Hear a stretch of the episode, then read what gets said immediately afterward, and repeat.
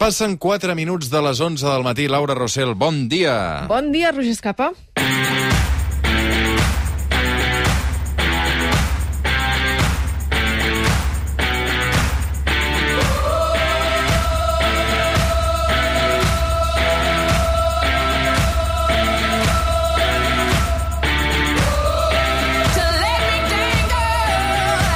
Anem? Molt bé. A veure, et veig eh, amunt i avall. Eh, no has parat, no? Perquè eh, has estat a la Setmana del Llibre en català. Sí, ahir vaig ser a la tarda de la Setmana del Llibre, vaig anat, presentar eh, quatre llibres. Quatre llibres. No, però- Hòstia, sí, però és la, és la dona més No. sol·licitada. És a No, dir, sí. no, no, no, O però- sigui, bueno, fem crida. Un moment, 9 3 2 0 4 4 si esteu escrivint un llibre voleu que us la presenti Laura Rossell, No, sisplau. telèfon del No. directe, sisplau. Donem un respir. No, però ho van organitzar molt bé, els de la setmana, d'això en saben molt, perquè van fer com una mena, com si fos un, un magazín, un programa de ràdio, Sí. en el que anaven passant autors. Llavors, cada presentació durava 25 minuts. Hosti. Això està molt bé, Bona perquè... xapa, eh? No, perquè no no s'allarga massa, passen de seguit els 25 minuts.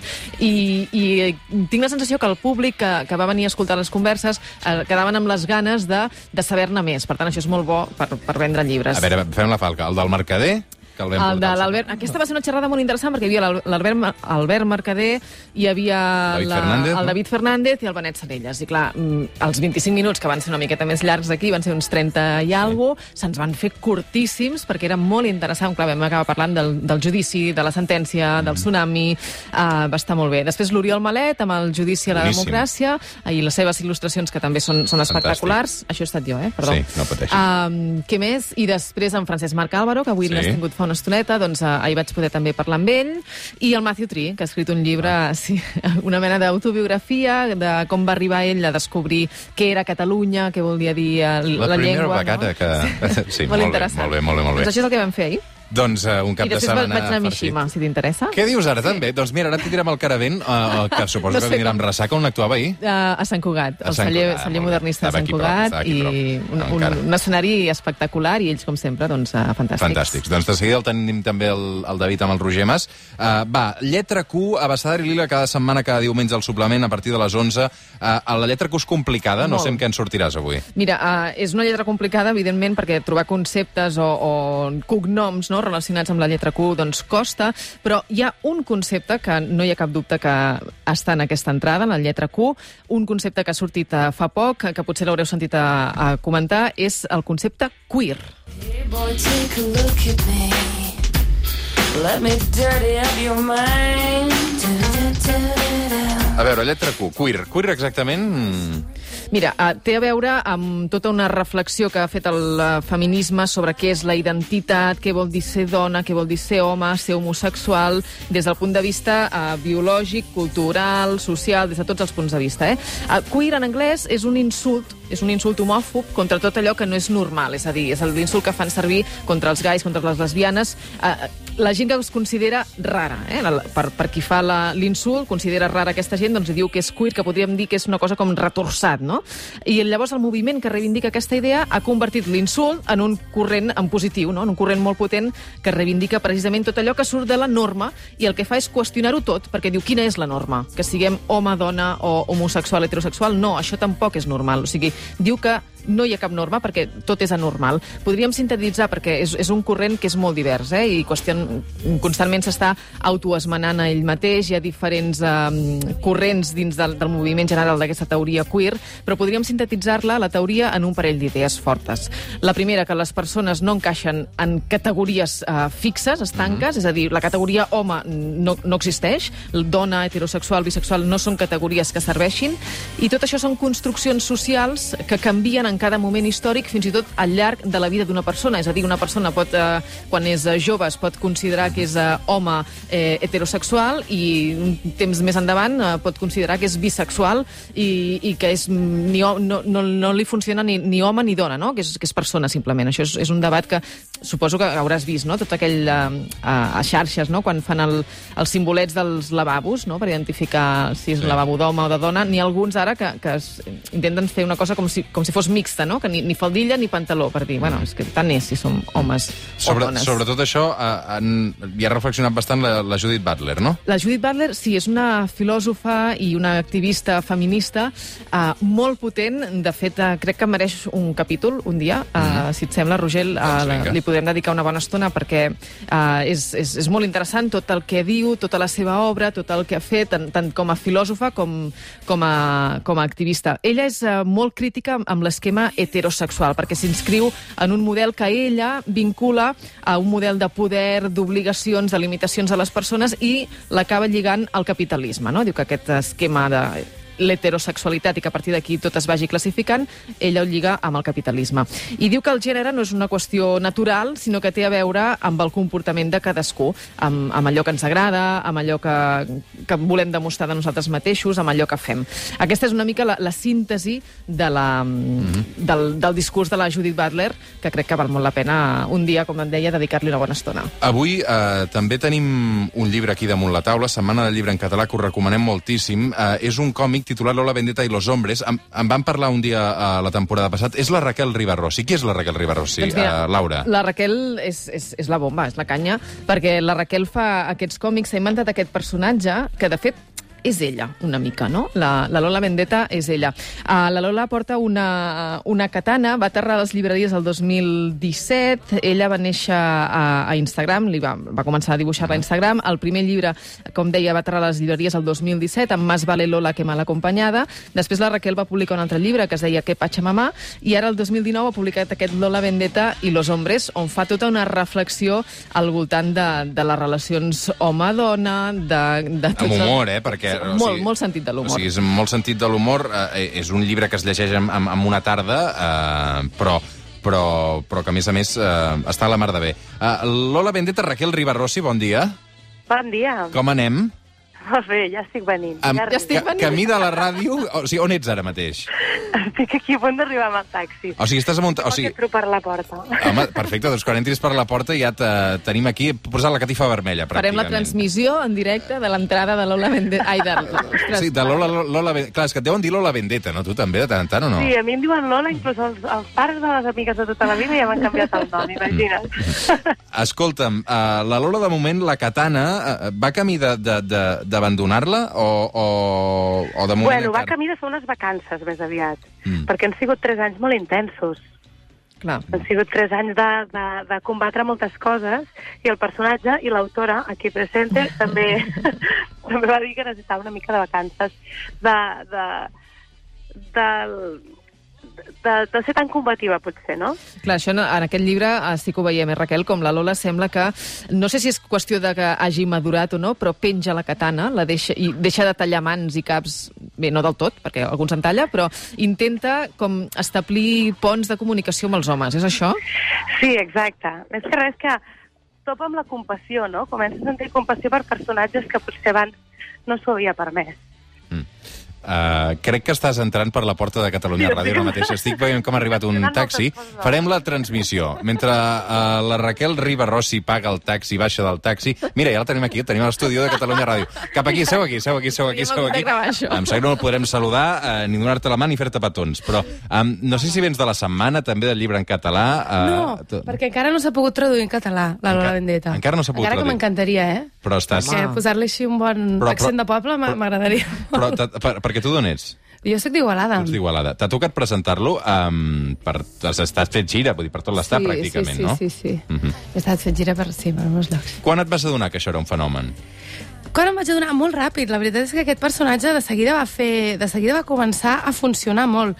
El, ella es manifestava al principi amb, amb molta ràbia, no? amb, molta, amb molta rebel·lia cap a moltes coses, i crec que moltes dones van fer clic molt ràpid. Van dir, ostres, això em diu, em diu, em diu molt de mi mateixa, no? d'aquella part que potser en les, en les dones pues, s'ha- a l'educació femenina s'ha s'ha ocultat més, no? que és aquella, aquella connexió amb la vikinga, amb la guerrera, amb la, amb la que és capaç de, de dir que no amb una contundència brutal. No?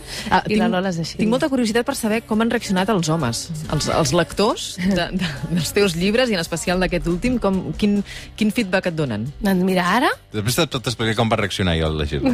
Digues, digues, digues. Vale, no, no, primer la teva... A veure, al, al principi, si això ja té com quasi, quasi 4 anys, no, aquest personatge, i al principi tots estaven una mica collonidets, em sembla. Sobretot els del meu entorn, que no entenien què m'estava passant pel cap, no? De cop la Raquel, que sempre havia explicat xistes, que sempre era d'allò, treu un personatge que va tallant caps aquí a penya que no li cau bé. I, i, I al principi era com, el meu pare em deia, "Mm, Raquel, jo no entenc què estàs fent, però bueno, ja ho veurem. De debò. I, i mica en mica com van, van anar entenent també. A molts, molts amics em deien que els hi havia servit per entendre també l'univers de les dones, no? el que ens passa. El que ens passa des d'un punt de vista molt visceral, no? que què ens agradaria fer i no podem fer per educació, o perquè, bàsicament, si tallem caps pel carrer ens posen a la presó i no està bé, això. em, però, però què ens passa, no? Quins sentiments de, de, de, ocults tenim darrere d'aquesta educació tan, tan opressiva, al final, no? I a tu què et va semblar? No, o sigui, t'adones de, de, de moltes coses que no n'ets conscient, prens consciència d'això, um, i a part després també t'adones que ets una víctima, si m'ho deixes dir així, els homes també són víctima d'aquest sistema, Sí, no? totalment. Bueno, tothom. Per- És que al final és un sistema que ja s'està com... Ja, ja, no, ja no està funcionant, que l'estem perpetuant perquè són herències culturals i de més, i ara s'està fent la força per canviar-lo, no? Uh, digue'm, um, quan tu estàs uh, en un estant d'aquests i et, et fan signar llibres, uh -huh. que venen més homes o venen més dones? No, no, descaradament més dones. I estic molt contenta perquè últimament venen moltes senyores grans, iaies, amb les seves filles i les seves netes. I això m'encanta. Però venen molts homes també últimament. És que, de fet, fas un, un exercici que trobo molt saludable, que és parlar obertament de tot. Sí. Del sexe, de la masturbació, dels complexes amb el propi cos, Sí. de si t'has de depilar, de si et cauen els pits, de si no. O sigui, una sèrie de coses que, que fins ara quedaven molt limitades a, a l'àmbit estrictament personal, no? que comentaves com molt amb, amb les teves amigues, amb, amb, Sí. amb qui tenies molta, molta, molta, molta tan sols, confiança. eh? O ni tan sols això. I per fi algú, un llibre, un personatge, ho parla sense complexes, no? Sí, sí. De fet, una de les coses que a mi em va passar al principi de treballar amb aquest personatge és que jo havia vingut d'una escola religiosa i, i, i com que havia vingut d'una escola religiosa pensava que jo tenia molts tabús al respecte, no? i els vaig començar a trencar a tope. I quan vaig arribar a viure a Barcelona, vaig, vaig viure amb cinc noies aquí i moltes havien estudiat en escoles absolutament diferents a les meves, no? I m'adonava que, que els tabús els teníem totes per igual, no? I aquí vaig dir, ostres, hem de començar a parlar d'aquestes coses, perquè, a més a més, són divertides.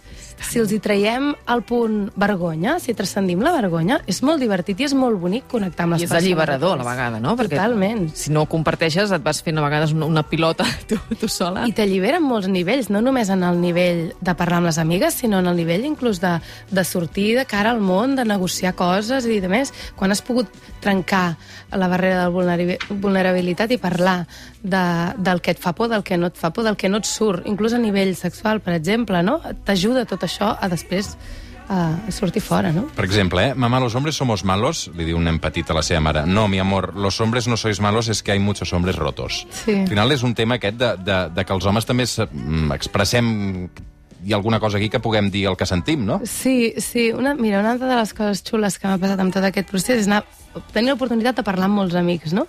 I molts amics que em deien, jo he pres a posar-li paraules a les emocions ara, als 30, als, a partir dels 25 o així, no? De petit més aviat vaig aprendre tot el contrari, com a treure la importància, posar-li paraules a tot això i tirar milles amb, cap a una altra direcció, no? I, I és bonic també veure com, com els homes tenen aquesta oportunitat ara de, de, de ser més vulnerables.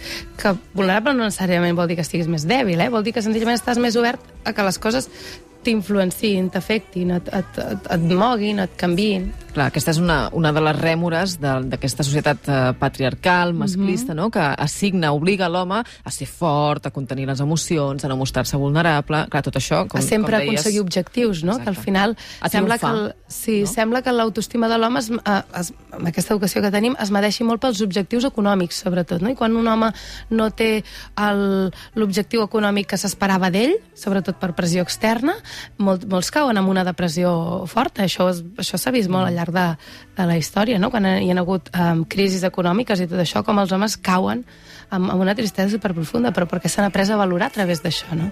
I és bonic també donar aquest espai per valorar-se a partir d'altres punts, no? Que la personalitat té molts més, molta més amplitud. Mm. Tot això creus que és, uh, tots aquests canvis, aquesta manera d'anar trencant la, aquesta crossa tan gruixuda que, que tenim com a societat a sobre, és mèrit del feminisme? Ho atribueixes al feminisme? Jo crec que té, té molt a veure, sí, clar. És, és un, eh, té molt a veure amb aquests espais que es generen uh, de conversa, no? Um, en el que ja no s'està uh, atacant a les dones d'estar fent alguna cosa dolenta o bruixa quan estan, quan estan parlant o, o, o compartint el que els hi passa. Té molt a veure amb això, perquè al final, quan un s'allibera, allibera els dos que té al costat, i aquests dos alliberen a dos més, i així, així és com es generen els canvis socials. I quan la meitat de, les, de la població, és que som la meitat de la població, això no, no, no ho podem oblidar, quan la meitat de la població comença a alliberar-se, allibera els del voltant. La, la setmana passada parlàvem amb la Iran Zubarela, que és, és Mm. una de les impulsores de Picara Magazine, és periodista, és activista també, i ella es defineix com a feminista radical. I és un terme que jo crec que genera molt de debat i molta controvèrsia. Tu, tu acceptes aquesta definició de, o, o tu t'identifiques com a feminista radical? Sí, a veure, jo és que realment prefereixo no fer servir... Això, això moltes, feminismes, moltes feministes se'n tirarien a la jugular, eh? Però prefereixo no fer servir paraules que espantin a tota una sèrie de persones que jo tinc al voltant que vull que m'escoltin. Perquè jo, al haver crescut en un context eh, molt religiós i tot això, tinc moltes amigues, tinc molts familiars, tinc molta gent que m'estimo moltíssim, que potser a priori no m'escoltarien si jo entrés de, a fer serv fent servir aquestes paraules. I realment el meu interès, i crec que el meu èxit personal, uh, el que jo considero que, que, que, que m'agrada és, és això, és poder parlar amb qualsevol tipus de persona, no? És a dir, indiferentment del, del, de la direcció inclús política, religiosa mm. o com sigui. Eh, Què faràs amb l'èxit eh, de la Lola la Vendetta? Perquè dius que n'estàs mm, cansada o païnt-lo. Eh, la deixaràs aparcada una estona per fer altres coses o no? No, a veure... sisplau, no, no, No, no, no, no, no, no, no. Tothom, no, perquè... tothom tranquil, és que, tothom no, és que a més tranquil. és que és un llibre això que... És a dir, eh, clar, són, són, es consumeix ràpid, saps? Vull dir que tens sí. ganes de més de seguida. No, no, no, no, no. El tema és...